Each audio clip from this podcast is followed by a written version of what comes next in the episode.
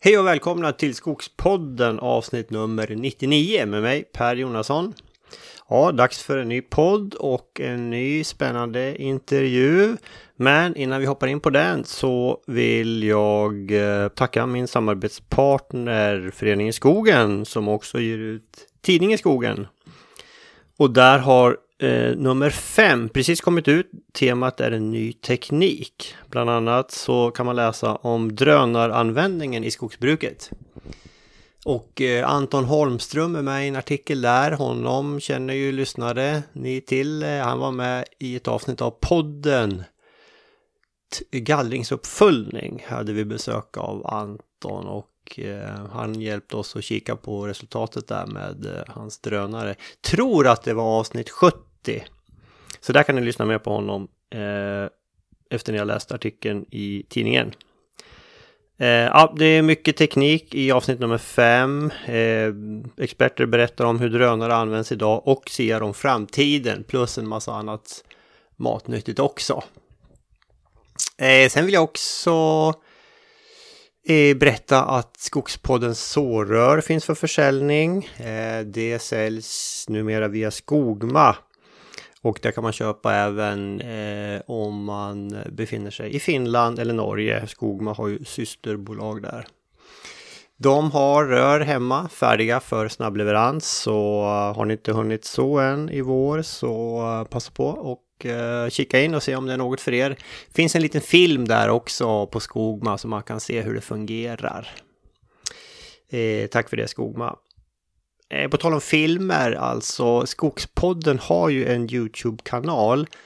Jag har nämnt det i podden tidigare, men jag tror det var ett tag sedan. Så om ni går in på YouTube och eh, söker på Skogspodden så hittar ni vår kanal där. Jag tror det ligger uppe 29 filmer till dags dato. Jag ska försöka lägga upp lite fler filmer så eh, klicka gärna på att ni vill prenumerera så får ni något litet meddelande när det finns nya filmer där.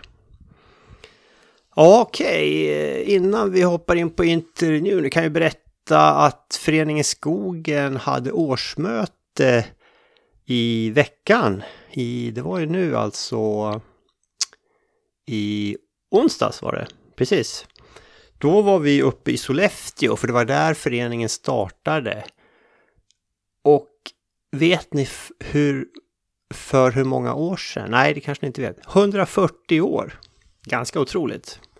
Föreningen startades där av några personer som såg att skogarna börjar bli liksom rätt uthuggna och det där med att liksom planera återväxt, alltså plantera eller så. Man var inte så bra på det helt enkelt. Så föreningen bildades för att eh, liksom beskoga ja, de här ah, dåliga skogarna, de sönderhuggna skogarna. Och eh, ja, det var jättekul på årsmötet, för innan själva mötet så fick vi se ett litet skådespel med liksom fem olika tidshopp under liksom föreningens eh, 140 år. Och eh, ja, men Föreningsskogen har varit med och gjort väldigt mycket saker som, ja, mer än vad jag visste. Då är, jag har ändå varit styrelsemedlem i två år, men ja, det var ju massor med grejer tillsammans med Naturskyddsföreningen så hade man ju varit med och bildat eh, naturreservat. Bland annat, ja en, en bland många saker. Det här kan ni säkert läsa om i nästa nummer av eh, tidningen Skogen. Eh, vi kommer ju också att eh, köra en eh, höstexkursion som vi alltid gör, eller alltid, ja. I, det här blir 120 året. Det är också en imponerande siffra. Och vi har ju förmånen att ta emot eh, föreningens höstexkursion då en dag eh, på våra skogar i, på Gusselborg. Så det ska bli jättekul. Anmälan för det här finns uppe redan. Även om eh, ni har god tid på er anmäla Men gå in, gärna in och kika på, jag tror det ligger ute något eh, lite program, eller ja, åtminstone i grova drag vad det kommer att handla om. Kan, går ni, om ni går in på skogen.se så kan ni eh, läsa mera om det här. Så hoppas jag att vi träffas eh, i skogen där då. Nej men intervjun då. Ja, nu har vi kommit fram till det och den här gången så har jag pratat med Christer Karlsson. Han eh, är ju, han fick ju Föreningen Skogens eh, guldkvist här nu för, ja, det var någon dryg månad sedan. Och eh, den här fick han för hans arbete som ledare för försöksparken Siljansfors under många år.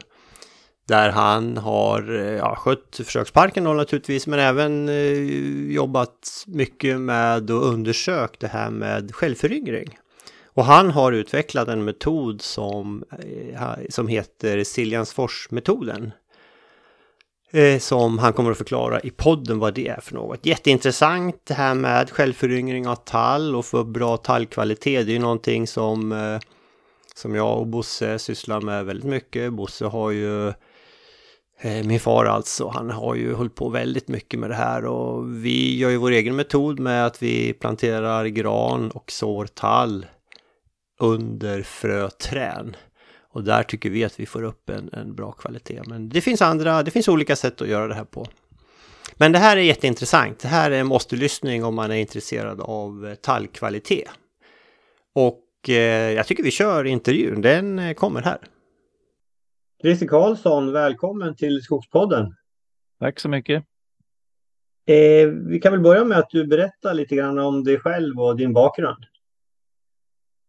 Ja, jag eh, är ju jägmästare till yrket och eh, skogsforskare också. Har doktorerat i skog, skogsskötsel då med inriktning på naturlig föryngring av tall. Eh, jag eh, har jobbat i SLU i över 35 år. Men jag har också en lärarutbildning i, inom skog så att jag har jobbat på naturbruksgymnasium också ett par år och eh, några år även på Skogsstyrelsen, eller då Skogsvårdsstyrelsen i Västernorrlands län. Mm. Eh, och eh, sen 88, 1988 så har jag varit eh, platschef på Siljansfors försökspark som är en del av SLU. Eh, fram till 2019 då eh, jag fick en efterträdare i Ola Langvall. Eh, och från 2003 till 2019 var jag också platschef för Jäderås försökspark, som en annan försökspark. Mm. Från och med det här året så är jag heltidspensionär då. Men eh, gör en del uppdrag åt SLU fortfarande. Sen eh, tycker jag om att skriva. Ju äldre jag blir då, så att jag har skrivit eh, lite eh, dels läroböcker i skog och eh, men sen även lite eh, populärvetenskap om skogshistoria och sånt. Ja, just det. Ja, du har eh, följt upp eh, och Eh, helt nyligen så fick du också ta emot eh, Föreningen Skogens guldkvist ur kungens hand. Grattis! Tackar! Ja, det var lite eh, oväntat. Ja, men det var ju väldigt skojigt. Eh, jag tänkte, jag, eh, jag kommer få läsa några rader ur motiveringen. Så här står det. Eh, som försöksledare har Christer säkerställt långsiktiga fältförsök i Sveriges äldsta försökspark inom en rad områden, både med trakthyggesbruk och hyggesfria metoder. Han har genom Siljanforsmetoden utvecklat effektivare sätt att naturligt föryngra tall. Christer har via publikationer och fältträffar i Siljansfors spridit forskningsresultat till otaliga skogsägare skötselansvariga och studenter på sitt pedagogiska och medryckande sätt. Ja, men det var en fin motivering. Ja, visst. Det var ju trevligt. Eh, vi satt ju bredvid varandra eh, där på Berns också och eh, jag satt ju på första parkett när du fick ta emot priset där ur Kungens Sand och ja, men du såg ju verkligen glad ut. ja, Ja visst, det var ju lite oväntat. Eh, ingenting som jag hade förväntat mig. Enda gången, eh, du såg faktiskt ännu gladare ut senare på kvällen där under middagen när vi satt, du och jag pratades vid och vi kom fram till att vi båda var löpare och jag hade sprungit Lidingöloppet på 2.03 och då kontrade du med men jag har sprungit det på 2.01. Då såg du ännu gladare ut. ja, men det var ett tag sedan. ja, men det var en trevlig tillställning på Berns. Ja, det var det. Ja, men du, vi kan väl prata lite grann om eh, Siljansfors försökspark och eh, dina försök där om eh, det här med naturlig föryngring av tall. Alltså var, ska vi börja med, var, var exakt ligger försöksparken Siljansfors? Mm. Eh, den ligger alltså 18 kilometer från Mora centrum i riktning mot eh, Malung, Vansbro. Man kör E45. Så att eh, väderstrecksmässigt blir det sydväst om Mora. Mm. Just det. Och eh, sen är det ju så att eh, under de här åren jag har jobbat här så har jag ju i första hand servat andra och administrerat verksamheten. Så att eh, sen har jag haft förmånen att, att eh, själv forska på en, en viss del av min, min tid. Men eh, det, det, är ju det, det är mer att ta hand om andras försök än mina egna som jag har sysslat med. Ja. Och eh, man får ju en väldigt bred eh, allmänbildning kan man säga genom att jobba på en försökspark för att det finns ju alla typer av försök och Eh, vi har ju också miljöövervakning som är en ganska stor del av verksamheten. Alltså med allt från klimatmätning eh, till eh, ja, vattenkvaliteter och vattenavrinning och eh, på senare år har vi också haft fenologiprogram där man följer årsrytmen på i alla fall på sommartid då, på lite olika växter, skogsträden och blåbär, lingon till exempel. Just det. Och även granbarkborreövervakning kan man säga en del av den här eh, miljöövervakningen också. Ja.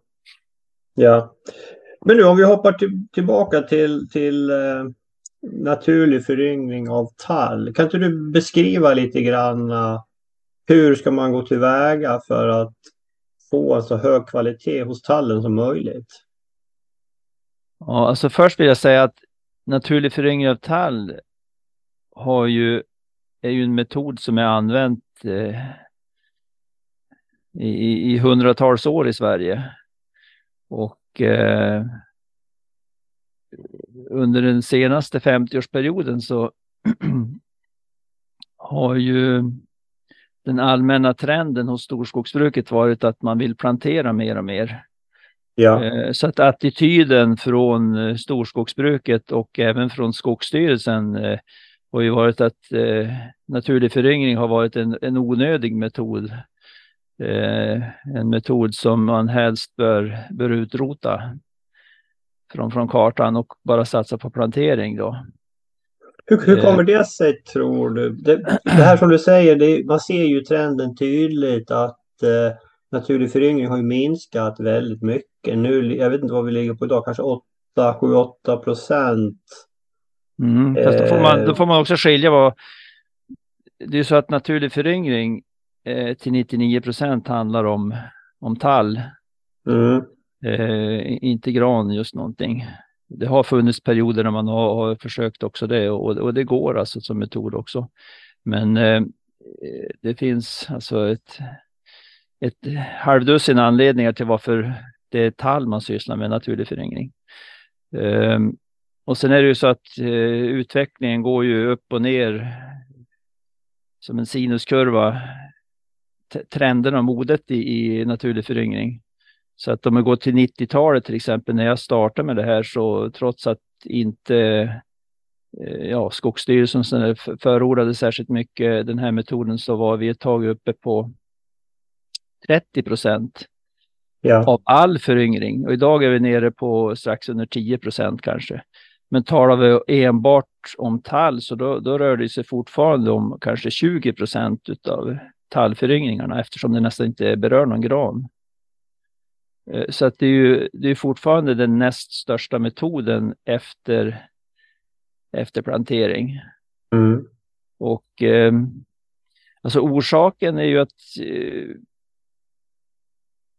Skogsstyrelsens inventeringar har ju fram tills nu ständigt visat att eh, ja, det är säkrare med plantering.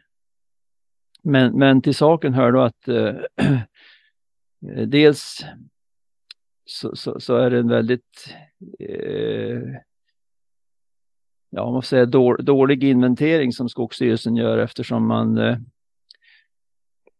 man inventerar ett antal år efter föryngringsplikten uppstår. Och det kan vara fem eller sju år efter föryngringsplikten uppstår. Och eh, om man då jämför min metod som jag kallar Siljansforsmetoden eh, som innebär att man, man väntar tre år eh, med att markbereda.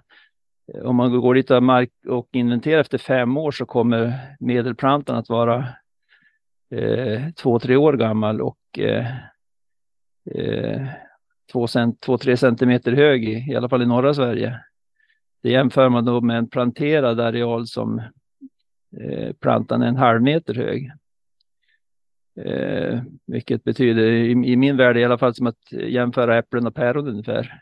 Mm. Och, och, sen så naturlig föryngring har ju blivit lite slaskpott också för, för allt som inte är plantering. Så det är väldigt svårt, eller har varit eh, traditionellt svårt att få ut bra statistik, alltså vad, hur stor andel utav den så kallade naturliga föryngringen har tillräckligt mycket fröträd och har markberetts på ett vettigt sätt. Ja. Så att jämförelsen är väldigt svår. Trots ja. det, trots det så, så ligger ju eh, antalet lyckade föryngringar ungefär i samma nivå. Och, ja. eh, det, det, finns ju andra sätt att jämföra som aldrig kommer fram. Det är till exempel Riksskogstaxeringen redovisar hur stor andel av eh, röjningsskogar som är planterade respektive naturligt föryngrade. Mm. Och då kommer det fram häpnadsväckande siffror på att en 30-40 procent utav, eh, utav all skog är naturligt föryngrad. Eh, trots att eh, inte föryngringsarealen har varit uppe inom procenterna någon gång i stort sett. Mm. Eh, och då är det ju frågan om, är, är, är kan inte riksskogstaxeringen avgöra vad som är planterat eller naturligt föryngrat eller är det så att en stor del av det som är planterat övergår till naturligt, att det är naturlig föryngring som dominerar efter en röjning till exempel. Mm. Det är en annan fråga. Ja, intressant att det kommer in så pass mycket självsådd även i de ja. planterade bestånden. Ja, precis. Ja, det... Så att, så att eh, eh, det kanske är så att många, många planterade bestånd klassas som naturligt föryngrade trots att de en gång är planterade då. Eh, om man inventerar efter 15-20 år till exempel. Mm. Jaha. Eh, men du, Siljansforsmetoden nämnde du och du nämnde mm. också att man inte ska markbereda direkt. Kan du utveckla, kan du utveckla det här? Ja, det hänger samman med eh, tallens lite märkliga blomningsbiologi. Att eh, eh, en tall är ju anpassad till att blomma och sprida sina frön kraftigt när den blir ensam herre på täppan av någon anledning. Oftast, oftast i form av en brand. Då.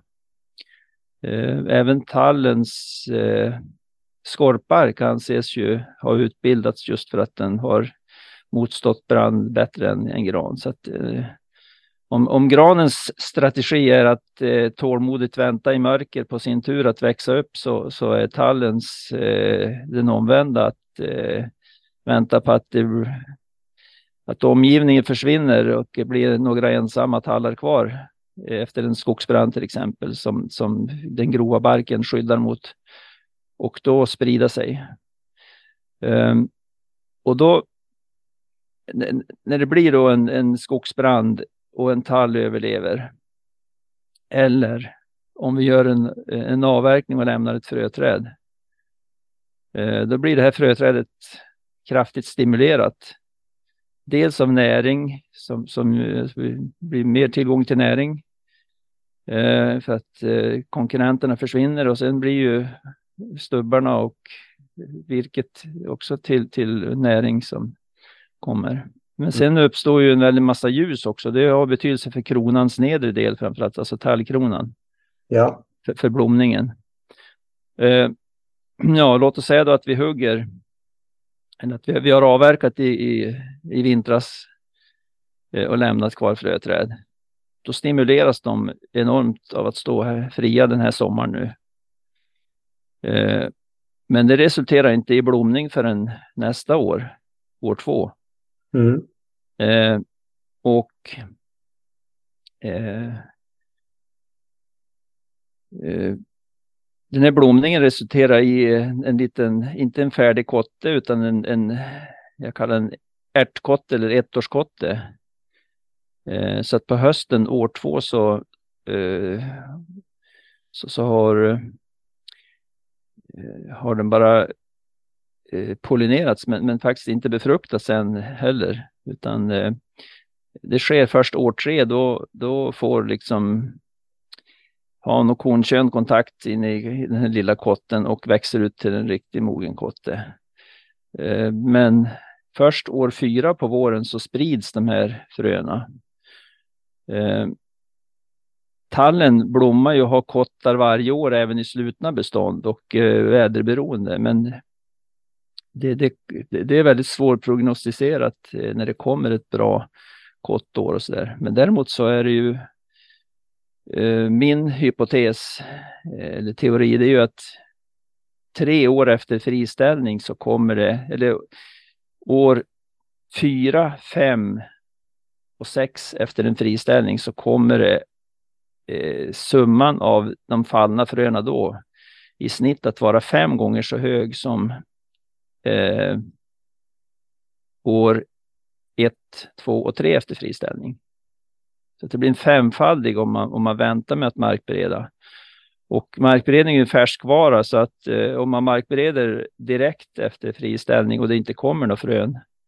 Redan första året så tappar man i storleksordningen 20-30 procent av effekten. Andra året eh, likadant och tredje året så Ja, det är, det är, lite olika beroende på vilket läge man är i landet, men mm. säg att en, en markberedning är inte effektiv mer än tre år. Redan, redan, tredje året är den lika, inte lika effektiv som första året heller. Nej, och det är så klart, ju, det... Längre, ju längre söderut du kommer ju påtagligare blir det där ju, antagligen. Ja, igenväxning och snabbare, ja. Ja. ja. Eh, motargumentet då från södra Sverige mot eh, den här eh, metoden har ju varit då, ja men vi kan inte vänta för att det växer igen, säger de. Ja, men jag säger om det inte finns några kottar då, vad gör du då? Eh, ja, vi markbereder i alla fall. Men så här, varför ska man markbereda om det inte finns några kottar då, eller frön? Mm. Så, så, det är en lite idiotisk diskussion där. Eh, utan det är ju så att tror man inte på den metoden att det är för mycket gräsväxt, då får man ju använda någon annan metod eller kombinationsmetoder eller så. Mm. Men, men, i alla fall från, eh, från eh, Mellansverige och, och norrut så, så tyder ju all, all praktisk eh, användning av den metoden på att den fungerar. Mm. Och jag har ju själv erfarenhet av ett ja, 30 eller 40-tal föryngringar med den här metoden. Och det, det är det som är eh, Siljansforsmetoden, att du väntar eh, tre år innan du markbereder? Ja. Det. Eh, det är lite, ja, och det är ju att det, först fjärde året så, så ser du effekten av eh, liksom den, den eh, stimulans som trädet får av en friställning. Ja, just det. Intressant. Ja. Eh... Sen, sen, är det ju också, eh, kan man säga, i Siljansforsmetoden ingår ju också att vi har eh, ändrat sättet att mäta en fröställningstäthet. Traditionellt så har man ju pratat om antal eh, träd per hektar. Ja. Uh, och det har två stora problem. Dels så, så uh, finns det ingen som jag träffat som klarar av att säga hur många träd per hektar det finns i en fröträdställning. uh, det är ofta väldigt grova fel, ofta 100 procent fel på den skattningen som man gör. och för det andra så är ju det är skillnad på trädens storlek och fröproduktionen är proportionell mot trädstorleken. Okay. Om, du, om du jämför 100 eh, fröträd med 25 cm diameter med 100 träd med, med 35 cm diameter så blir det liksom, ja det blir väl dubbla skillnaden ungefär. Ja, ja. Eh, så att eh, Mm. det, det, vi, vi rekommenderar då en, en enkel metod med relaskop. Att Mhm. mä, mäta grundytan istället. För att finns det någonstans ett, ett relaskop är otroligt enkelt att använda så är det ju en fröträdställning. Ja. Och Då säger jag, se till att det finns sex kvadratmeters fröträd eh, per hektar plus minus två. Inte under fyra, inte över åtta. 4 till 8 Ja. kvadratmeter per hektar. Mm. Och, Okej. det, och, det, och, det, och det klarar vem som helst av att lära sig på tio minuter att, eh, att konstatera om det, om det ligger inom det intervallet. Men, men eh, som sagt att eh, försöka förstå hur många fröträd per hektar det står och hur stora de är och hur mycket frön de sprider. Det, det finns ingen som klarar av. ja, det, för det hade ju varit min nästa fråga. Hur många fröträd per hektar ska man ställa? Ja, Alltså, nej, men, vi- ja, men i normal fröträdställning så traditionellt i hundra år har man sagt eh, ställ fröträd ungefär 10 meters avstånd och så och då blir hundra stycken och de flesta lite grövre söderut så brukar jag hamna på en, kanske 60, 70, 80 sådär. Och, Ehm, så att eh, mellan 50 och 100 fröträd är väl en normal fröträdställning idag ska jag säga. Ja. Men, men, men som sagt, det måttet eh, är mycket dåligt och eh, helt omöjligt att kontrollera dessutom. Det, det är bättre att damma av sitt relaskop då och mäta. Ja, och jag menar, det gör du ju på två minuter att det går runt och få en uppfattning om hur, hur tät en fröträdställning är i, i grundyta. Mm. Ja, men det är sant. Ja. Ja, men det där är ju intressant. Vi, eh, vi, vi brukar räkna i antal eh, fröträd per hektar, men eh, Det får nej, du vi är inte... det får du lägga sa av du? med. Ja, det får vi lägga av med. Nej, men sen är det en sak till också. Det är ju. Ehm, det finns ju olika synsätt på vilka fröträd man ska välja till exempel. Mm. Eh, och det har jag haft diskussioner med en norsk forskare till exempel som hade precis motsatt strategi att välja de, de sämsta träden som fröträd medan jag säger välj, välj de grövsta, välj de finaste träden som fröträd för att dels är det de stabilaste träden i ett bestånd och eh, sen är det ju de som sprider mest frön också. Eh, så att satsa, satsa allt på, på kort tid på att få en bra föryngring. Och eh, sen kan man ha olika åsikter också om då när, när fröträden ska ner. Men min bestämda åsikt är ju att eh, eh, de ska ner väldigt snabbt för att inte eh, hindra den nya generationen. Om vi nu pratar om ren skogsproduktion, sen kan man ju ha andra syften med att ha en fröträdställning än att, än att eh, föryngra beståndet. Det kan ju vara en landskapsbilds eh, att det är vackert helt enkelt. Man gillar att det står kvar lite träd och vill ha evighetsträd och då kan man ju variera. Man behöver inte ta ner några fröträd alls. Man kan ta ner alla fröträd. Man kan ta ner några fröträd. Men, men ur tallplantornas synpunkt, om, om man ska ha en maximera produktionen i ett tallbestånd, då, då måste vi bort med alla föräldrar ganska snabbt. Men hur snabbt då? då? Alltså, Ja, alltså eh, den här metoden, Siljansforsmetoden, den är ju eh, enkel så tillvida att eh, lämna fröträd med, med sex kvadratmeters grundyta. Eh, gå hem och lägg dig i tre år. Beställ en markberedare som eh, att den ska komma på hösten tredje året. Eh, då gör det ingenting om den kommer hösten fjärde året heller, men eh, någon gång då. Eh, Men det är i alla fall bra för att Skogsstyrelsen säger ju det att man ska ha skogsvårdslagens anvisningar säger man ska ha vidtagit åtgärder som är nödvändiga senast tredje säsongen. Så att eh, Mm. har man i alla fall beställt den här tredje hösten har man ju gjort vad man kan för att följa lagen dessutom. Ja. Eller anvisningen i lagen. Ehm, ja, sen så får eh, fröna spridas under eh, år 4, 5, 6. Alltså tre, tre år under markbered, färsk markberedning. Mm. Och den markberedningen, den, den måste ju vara rejält gjord. Den ska vara en, eh, en, en, eh, en harvning. Som, Mm. eh, som frilägger bortåt 20 procent av markytan. inte någon, inte någon fläckmarkberedning för då, då missar man en stor del av framtida vits med, med, med föryngringen. Ja. Um, hur, hur så. Ja, men sen då efter, efter, efter sex år, tre plus tre år, tre år utan markberedning, tre år med markberedning.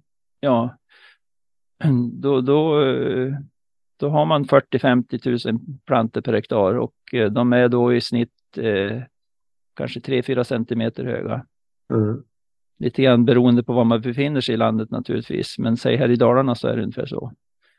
Och eh, de här eh, plantorna som har grott i en eh, mineraljordsbädd, de, de klarar sig bra då. De, eh, I en icke markberedd mark, där, är det ju så att där, är rötterna tar några år att komma ner i mineraljorden och säkra kapillärvattnet. Så att de kan ju torka bort om man tar bort för tidigt. Men, ja. men eh, är det markberett och, och eh, de är en tre, fyra år gamla eh, plantor, då, då, då överlever de flesta. Hur vill, alltså, mark, hur, hur vill du att markberedningen ska se ut? Alltså, vill du gå ner djupt eller grunt eller vill du nej. ha mineraljord eller vill du ha blandning med humus? Eller? Mm. Nej, alltså det, vi ska skrapa bort, vi ska skrapa på ytan bara. Vi ska frilägga stor areal med en markberedning. Men vi ska inte gräva diken. Eh, idealet är att man inte eh, petar någonting alls liksom i mineraljorden, bara, bara Humustäcket är ju som en filt som ligger över de svenska jordarna. Alla, alla podsolmarker som, som täcker större delen av våra tallmarker. Alltså det, är ju, det är ju egentligen bara att fläka undan den här filten som ligger ovanpå. Ja. Frilägga. Ja. Eh, så, så det är det vi eftersträvar. Och det är harvning vi pratar om då?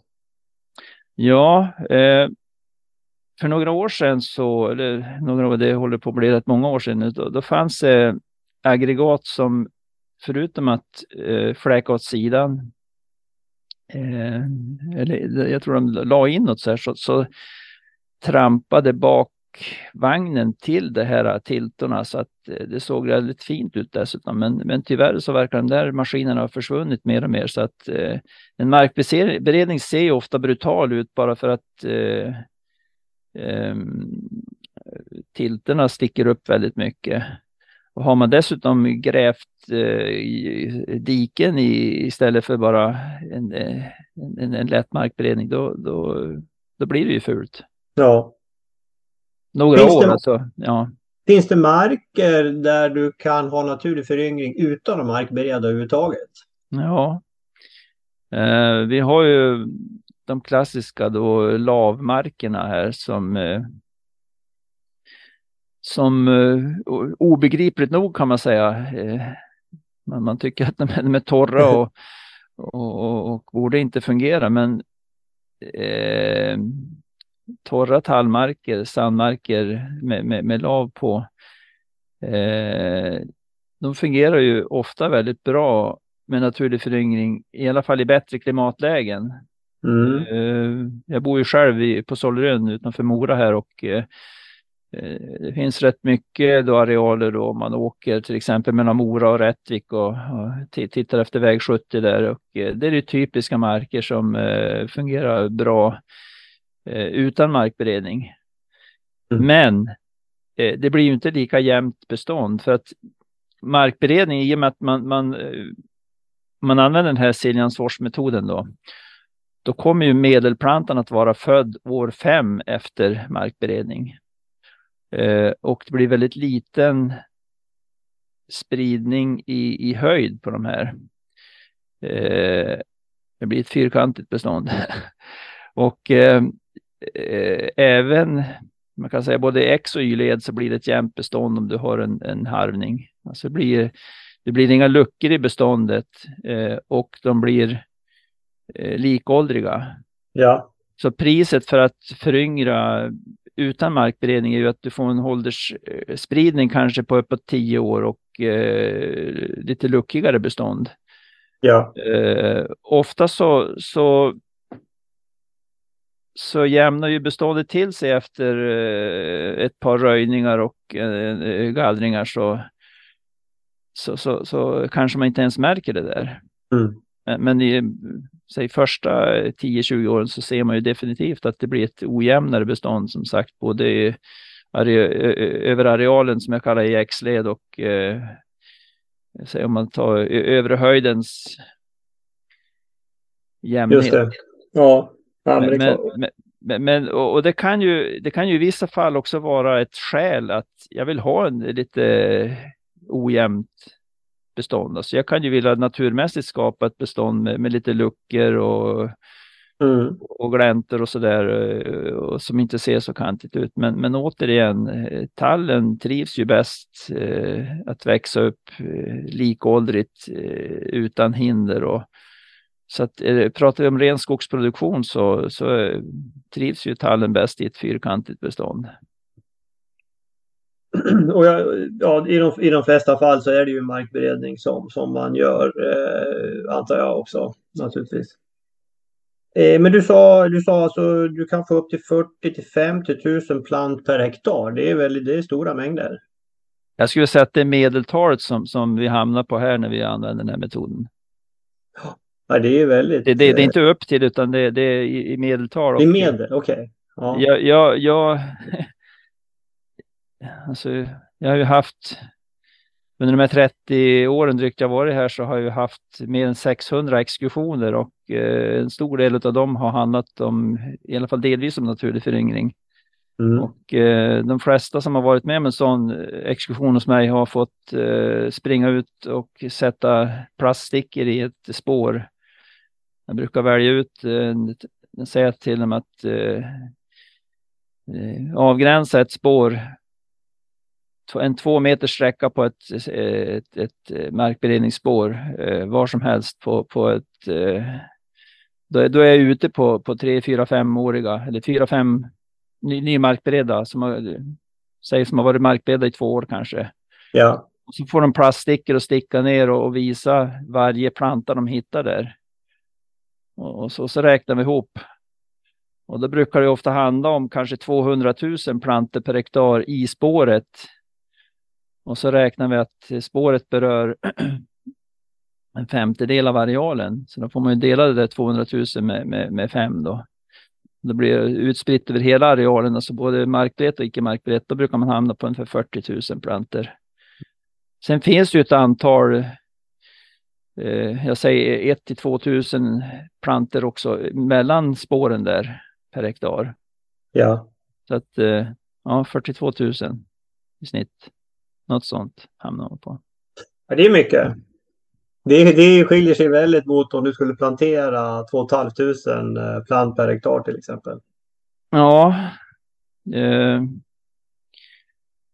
eh, och sen om du pratar om att vi ska prata om lite grann om, om eh, kvalitetsskogsbruk. Mm.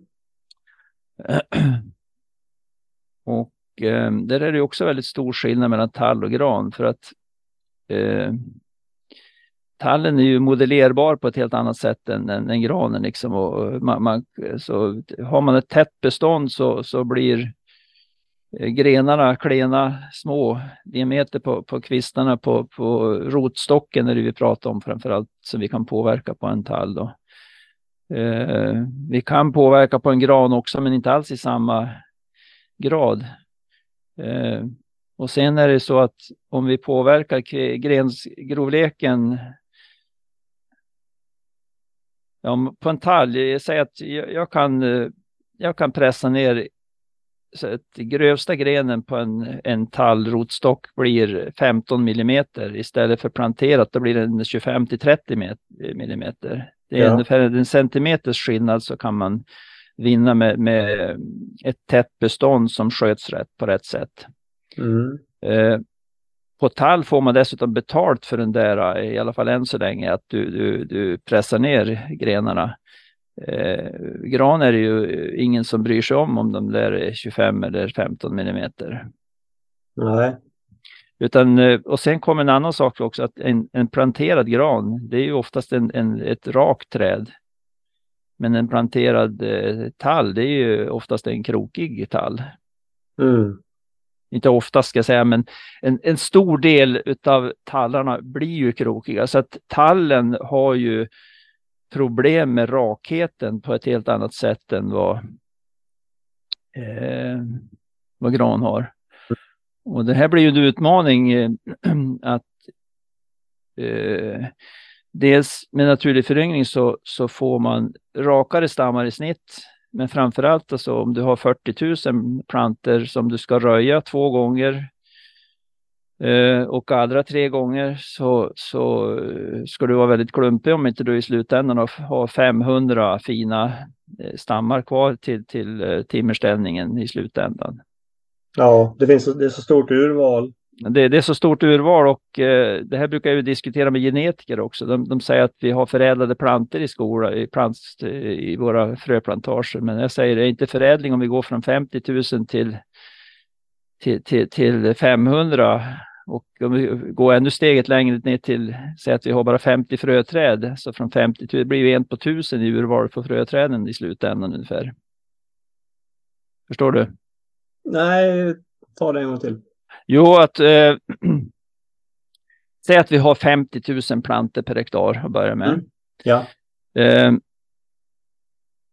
efter två röjningar och tre gallringar så är vi nere i 500 timmerträd i timmerställningen. Ja.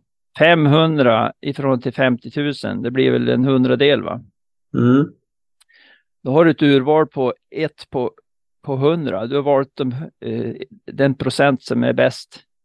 Sen har du ytterligare ett urval när du bland de 500 ska välja fröträd.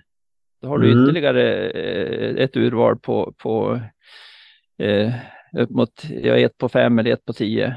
Ja. Så jag menar, om du går från ett nyföryngrat bestånd till ett nytt fröträdbestånd så kan du ha ett en urval som är nästan i storleksordning ett på tusen. Ja, ja. Och eh, om du jämför det med, med urvalet i, i, i fröplantager så första generationens fröplantager eh, var ju inte alls ett sådant urval på utan det var ju mer än ett, eh, någon gick omkring och, och, tyckte att det var vackra tallar och, och impade upp. sen, sen alltså urvalseffekten i, i, i, i fröplantager kom ju mer i andra och tredje och fjärde generationen som vi är inne i nu. Ja. Så jag, jag, förnekar inte genetiken på något sätt, men, men eh, man har ju liksom tidigt påstått sig ha förädlingseffekter på, på, på tall eh, redan i första generationen. Och den hävdar jag, den rör sig nog om någon enstaka procent. Mm. Nej, jag förstår vad du menar. Du, du får ett så stort urval så att du liksom bland de här 50 000 så har du dina plusträd. De, de finns där liksom naturligt. Ja. ja. Sen är det en annan sak att, eh, eh, alltså att jag pratar om två röjningar, det är ju att eh, traditionellt brukar man prata om kvalitetsröjning, då, att man, man gör först en, eh, en, en plantröjning eller en enkelställning när, när man är vid en meters höjd ungefär. Eh, så att säg att du börjar med, med 50 000 planter och eh, gör en röjning med en meters förband så att då hamnar du någonstans mellan 5 och 10 000 planter. Och sen väntar man till 5 meters höjd eh, innan man gör den här slutröjningen med, med 2 meters förband. Eh, och tyvärr så är det få som, som lär sig skilja mellan det här första och andra, liksom slutröjning. Att jag brukar säga att i en slutröjning där man är på fem meters eh, höjd då har man gjort allt vad man kan för att dana kvaliteten i, i rotstocken. Då kan man inte göra särskilt mycket mer. Och då ska man ju ta i så att man kan gå med utsträckta händer genom beståndet utan att toucha i sidoträden. Ehm, så det, det är ju ett svårt budskap också att få folk att, att röja rätt. Att, eh, försiktigt en gång och sen ordentligt då. För att sen gäller det att satsa på produktion efter fem meters höjd. Men, men, men, om man jämför röjningsmodellen som, som har varit i, i, i storskogsbruket då, i, i alla tider nästan, det är ju att man har, har eh, ja, dels velat plantera eh, istället för att ha naturlig föryngring. Och även om man har fått upp eh, väldigt mycket naturlig föryngring eh, oavsiktligt så har man röjt bort dem där vid, redan vid tre meters höjd. Man, eh, ofta har man sagt att röj senast vid tre meters höjd, det vill säga när älgen gör som mest skada. Mm. Och eh, har man bara eh, ja, kanske 1500 till 2000 stammar kvar vid tre meters höjd och det kommer in älg ja, dels har de ju mindre mat och eh, då måste de ju käka utav det som ska bli eh, det framtida beståndet. Men eh, om man väntar till, till fem meter med andra röjningen, då har man ju dubbelt så mycket mat eh, under perioden liksom från tre till fem meters höjd. Plus att man har ett, ett, ett urval som eh, jag säger att man, man ska vara väldigt, väldigt hårt eh, drabbat av älg och eh, ha, ha väldigt dålig eh, blick för, för, för röjning om inte man ska få fram eh, i slutändan 500 oskadade stammar. Mm, just det. Ja, du nämner ju höjden fem meter där. Jag hade frågan på tungan där. Jag, jag, eh, vilket det var en retorisk fråga det här med varför vänta till fem meter. Men du vill ju vara säker på att du klarar älgbetningen då. Då brukar man ju prata om fem meter ungefär. Ja, det har ju, det har ju två, två syften. Dels att eh, dana kvaliteten i rotstocken fram till fem meters höjd. Mm. Och sen att eh, låta älgen eh, ta det den vill ha fram till fem meters höjd. Ja, just det. Ja, men just älgbetningen, det är ju, alltså vi jobbar ju på, på vår skog i, i Bergslagen och Småland. Vi jobbar ju både med naturlig föryngring eh, eh, och så brukar vi plantera lite gran också. Men vi sår ju också.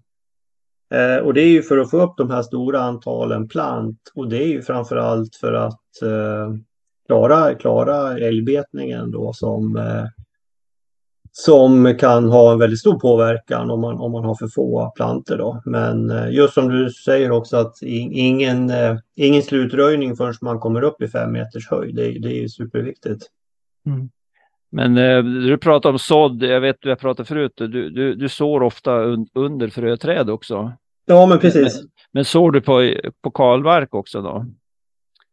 Du gör då... vissa kal, eller gör du, har du alltid fröträd eh, om det går, alltså även när du ska så? Ja, om vi har, om vi har frötallar då, då ställer vi dem. Alltså, det har ju mm. hänt att vi har bara haft ren gran. Ja, men då har vi ju inga frötallar kvar. Nej. Men har vi tallar då, då ställer vi det. Vi, mm. vi tog ett eh, rejält hygge här i vintras och ja, men där står det nog eh, uppemot eh, mellan 80, 90, kanske 100 frötallar per hektar och så sår vi under då. Mm. Hängslen och livrem? Hängslen och livrem, det, ja. det är vi det. Ja. Det, är det, det är dyra hängslen du har.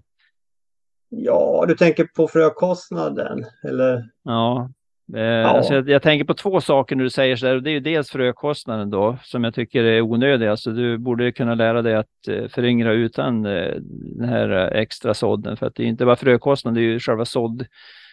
Jag vet inte om du sår i samband med markberedning, då är det ingen extra kostnad då. Men, men om man ska så det separat, liksom, då, då är det ju en extra kostnad för arbetet också då.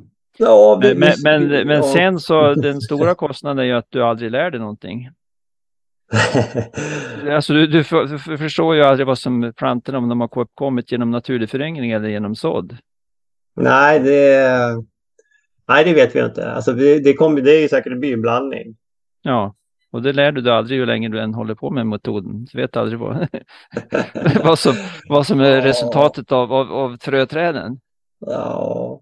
Jag, jag, vet ju att det, eh, mina plantor kommer från fröträden, för jag såg ju aldrig eller plantera under något bestånd. Nej. Nej, det är sant. Ja.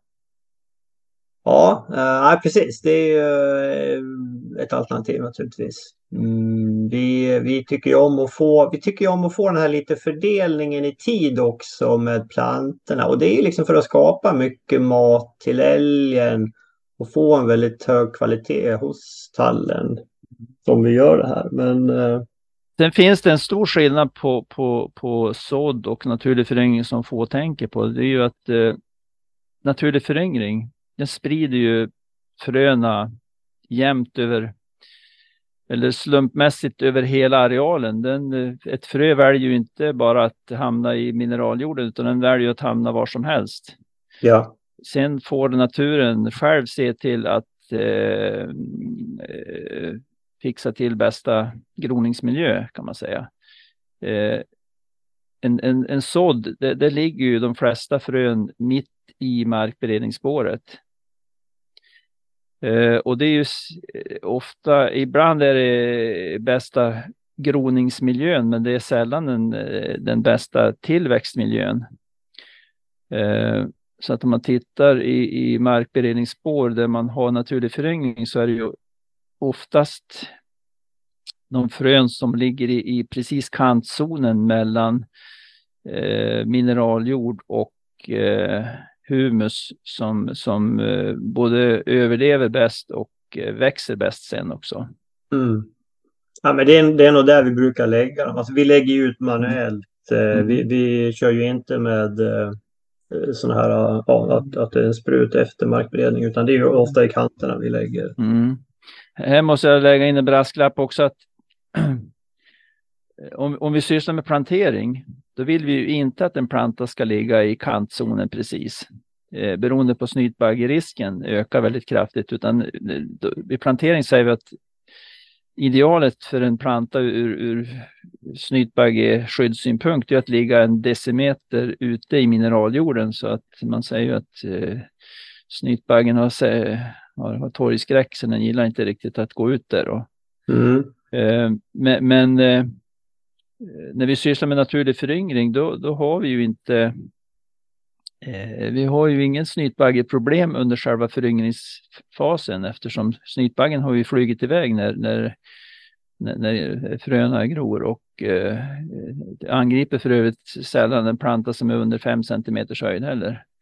Däremot mm. kommer de ju dit när, när, det, när man tar bort fröträden. Mm. Eh, så att eh, snytbaggen tar ju en del av plantorna, speciellt om de är då i den känsliga höjden 2-3 eh, decimeter när man tar bort. Och det är ett skäl också att ta bort fröträden tidigt när, när det är 3-4 centimeter höga. Då, då, får man sällan några snytbaggeskador i, i, i, i plantbeståndet. Mm. Just det. 3-4 centimeter. Du, tog, du tar bort fröträden ja, så, så Efter fort. sex år. Efter sex, eller sex år. Ja. Ja, ja. Det gör ingenting om de står i sex eller sju eller åtta år. Men det, det, har du haft markberedning där i tre år, då, då räcker det ju. Då, då har du ja. tillräckligt mycket beplantor. Har, har, du någon speciell metodik för att ta bort frötallarna för att, för att få så få skador som möjligt? Nej, det är samma som med älgen där att har man 50 000 plantor då kan man bjuda mycket på, på både att köra sönder och slå sönder. Och, ja. det, man slår inte sönder heller plantor som är 3 centimeter. Det är det är ju, och, och, och skördaren som tar ner fröträden gör inte heller någon skada utan det är ju, det är ju i skotarspåren som det blir skador. Men, men det spelar ingen roll, alltså det finns så mycket plantor så att eh, det märks ju inte. Nej. Jag skulle säga att det, det Alltså det finns ju sådana gamla eh, metoder att man ska gå och ta bort fröträden när det är på vårvintern när det är två decimeter snö som är skare liksom och lägger fröträden uppe på som inte skadar under beståndet och sådär. Men eh, ja, jag har gjort så ibland också, men, men eh, i stort sett så har man mycket tallplantor så, så, så spelar det ingen roll. Det här eh, För att gå tillbaka till dina 40 till 50 000 plant per hektar, vilket, vilket låter fantastiskt bra. Har du sett, alltså funkar det i liksom större delen av Sverige eller har du sett områden där det, liksom, där det funkar mindre bra? Alltså min, egen erfarenhet och försök är ju framförallt eh, Dalarna och sen eh, Jäderås försökspark är ju Gästrikland. Eh, ja. Ehm, och eh, Eh, sen har jag eh, lagt ut eh, försök nere i Sörmland också på ett ställe. Vi har en försöksgård i Ekenäs nere i Flens kommun. Som hittills fungerar i alla fall också eh, väldigt bra. Eh, annars är ju som sagt eh, kritiken att du vet inte hur det är om du kommer ner till Småland och sådär. Eh, nej, det vet jag inte för jag har inte lagt ut några egna försök där. Men um, det finns ju, jag, jag åker omkring mycket och ser uh, i Sverige hur det ser ut och det finns ju, finns ju sandiga marker även i Småland som, som passar bra för det här. Nissastigen till exempel ner från uh, Jönköping ner till Halmstad som jag ofta kört. Den, den är ju full med, med sandmarker som, som är klassiska tallmarker och så. och det intressanta är om man tittar eh, historiskt, var har, var har självföryngring metall använts? Ja, där du har din skog i, i norra, norra Örebro län, det är ju ett sådant klassiskt område. Ja. Eh, mer förvånad kanske en del blir att eh, ja, så delar av Småland, eh, Östergötland, Sörmland, alltså norra Sörmland upp mot eh, vad blir det, Mälaren och Hjälmaren. Mm. Ganska magra marker som är mycket fina tallmarker. Eh, delar av Värmland. Eh, hela kust, kusten norrut mot Norrbotten. Ja. Eh, det, det, som begränsar lite grann naturlig föryngring eh, men inte gör det omöjligt det är, det är höjden över havet då framförallt och det har att göra med frömognad. Att eh, är man är man till exempel i Norrbotten på 500 meter över havet då, då är det liksom inte så, så, så ofta att det blir bra frömognad. Ah, okay. Och bra frömognad i tall det är ju alltså 95 till 100 procent ska vara egentligen då. Ja. Just det. ja, intressant. Det, det, det, är ju väldigt mycket självförtroende som har gått ur stor del av skogsbruket när det gäller att använda de här metoderna. Mm. Mm. Och som sagt, om man som du då, då dessutom sår varje gång man, man ställer fröträd, då, då tror man ju till slut inte att det sprids frön från fröträden. Jo, jo men det, ja, ja men det, det, tror vi, annars skulle vi inte ha, ha några. jo, men det, det, är ju vackert med fröträd så att, eh, och, och, det hör man sällan heller att det, det, är en, det, alltså de här klassiska definitionerna av trakthyggesbruk, de innefattar ju eh, fröträdställningar också så att eh, trakthygge blir lika med kalhygge eh, även om du har hundra eh, fröträd där. Eh, vilket ju inte i mina ögon är samma sak eh, som ett kalhygge, men eh, tror jag inte de flesta de andra människor heller tycker och upplever att det finns ju en, en, en tredimensionell uppfattning i, i, en, i ett fröträdsbestånd som man inte ser på en kalyta. Mm. Eh, alltså när jag gick min jägmästarutbildning på, på 70-talet då, då pratar man för ganska mycket om landskapsbild och solit, spara solitärer och sådär. Men sen har det ju blivit så att eh, spara träd har blivit liksom en certifieringsfråga och eh, fråga om utrotade, utrotningshotade växter och djur. Inte en social fråga. Det finns ju ingen social paragraf som talar om att man ska spara för att det finns människor som tycker om att det är fult med kalhyggen. Hänger du med? Ja, nej, men det vet jag inte om jag håller med riktigt. Man, man pratar ju om skogens sociala värden också. Och den här, jag menar många jobbar ju med, med track, alltså, eller med hyggesfritt. Det, det är nog en, en att, ja, för att liksom öka skogens sociala värden. Det ja, men säg att, säg att du har en sommarstuga. Det här är precis vad Masai Saremba skrev i sin bok 2011. Han hade ju en artikelserie mm. Och de flesta fattade inte vad han var ute efter, men jag läste boken och insåg att eh, han, han eh, det, en av de saker han ville säga var bland annat att har du en eh, liten röd stuga i Dalarna och är omgiven av det stora skogsbolaget och de kommer och ska avverka in på knuten och du vill ha kvar skogen närmast, då kan du inte åberopa sociala skäl, men däremot så måste du snabbt hitta en utrotningshotad eh, rödlistad art av, av, växter eller djur eh, för att få spara den där skogsremsan. Ja, ja, jo, om du tänker så, ja. Ja, jo precis. Mm. Men eh, alltså den diskussion som pågår nu eh, med blädningsbruk eller hyggesfritt skogsbruk, det, det, är väl ofta eh, att man vill öka de sociala värdena. Men det är väl eh, Ja, och öka, alltså ofta handlar det om, eh, jag upplever som att eh, det, det, är så framförallt man vill, man vill, eh, man avskyr kalytor, alltså det, man vill undvika ja. kalytor. Ja. Men sen är blädningsskog i sig, och då pratar vi om gran, den är ju inte vacker förrän man talar om hur vacker den är egentligen. Låt oss komma in på det, för du har ju, du har ju forskat om hyggesfritt skogsbruk eller blädningsbruk. Mm. Berätta lite om, eh, om det. Vad har du kommit fram till där? Alltså jag, jag, själv har inte forskat eh, kan man säga om men däremot så har jag ju skött dem under 30 års tid. Eh, Sveriges två finaste blädningsförsök som ligger i Siljansfors. Ett som startade 1923 och förmodligen är världens äldsta blädningsförsök som, som är då skött med stamvis blädning. Mm. Eh, framförallt då, alltså jag, jag, kom hit 88 eh, när Lars Lundqvist höll på med, med, som första person i Sverige att doktorera om, om, eh, om, om blädning och eh, anammade då, eller han fick kan man säga bestämma hur vi skulle sköta försöksytorna då.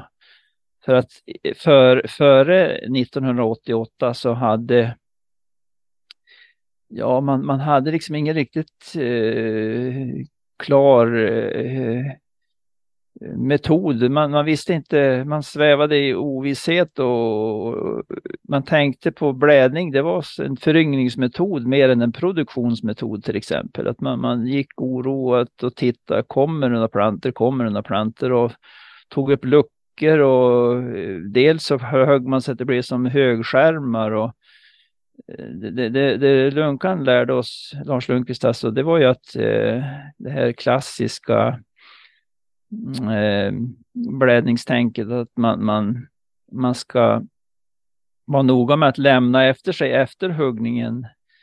Eh, ett eh, bestånd, eh, jag pratar om? Gran, som, som har en diameterfördelning där man har mycket träd i de små diameterklasserna och sen så, så blir det färre och färre. Så att det har ju fått det fåniga namnet in, inverterad J-kurva, ännu fånigare på engelska, inverted J-curve för att man eh, någon gång i tidernas begynnelse ritade upp en, en, eh, ett omvänt J på en eh, A4-blankett ungefär som var som var vänt stående A4.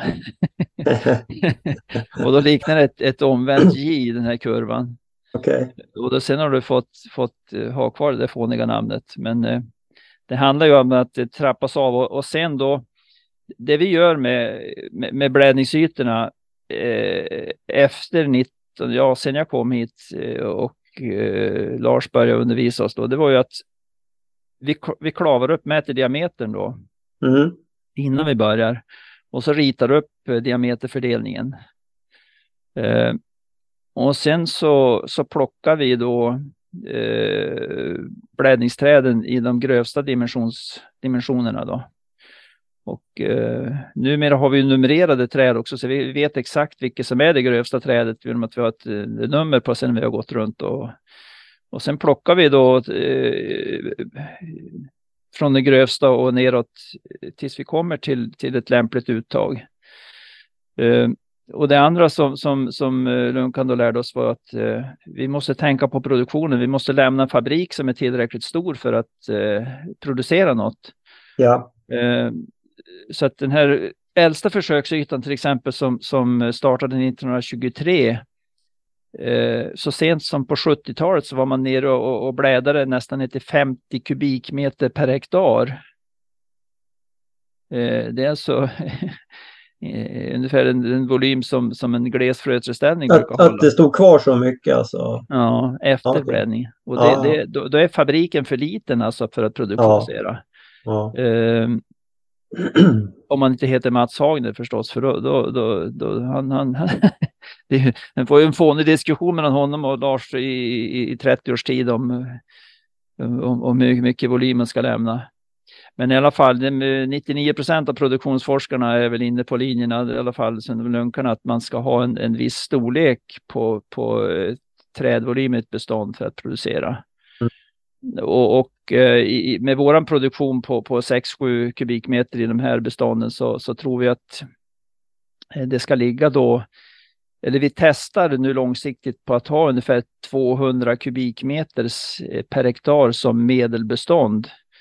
Och pendla då så att eh, efter en avverkning så, så är vi nere kanske på 170 kubikmeter och så får det växa 6 kubikmeter per, per hektar och år i, i, i tio år.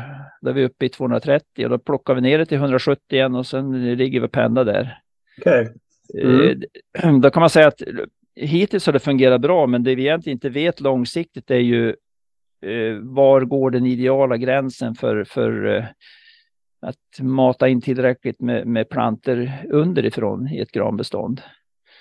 Eh, alltså om vi har lite för tätt så, så, så, så växer du inte in i tillräckligt mycket planter och mm. har vi för glest då, då, då producerar inte beståndet tillräckligt.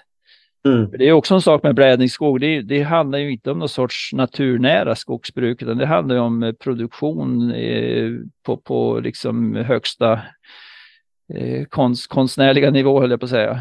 Alltså ja. att, eh, vi ska plocka ut hela tillväxten, men alltid ha ett bestånd som, som eh, ser likadant ut och behåller sin diameterfördelning när du går in och, och, och, och blädar då, är det liksom vilka stammar tar du ut? Alltså, ja, det var det jag sa i diameterfördelning. Man, man plockar ju från de grövsta. Men, men sen tar man ju naturligtvis viss hänsyn till eh, den rumsliga fördelningen så att man Just inte det. skapar stora luckor.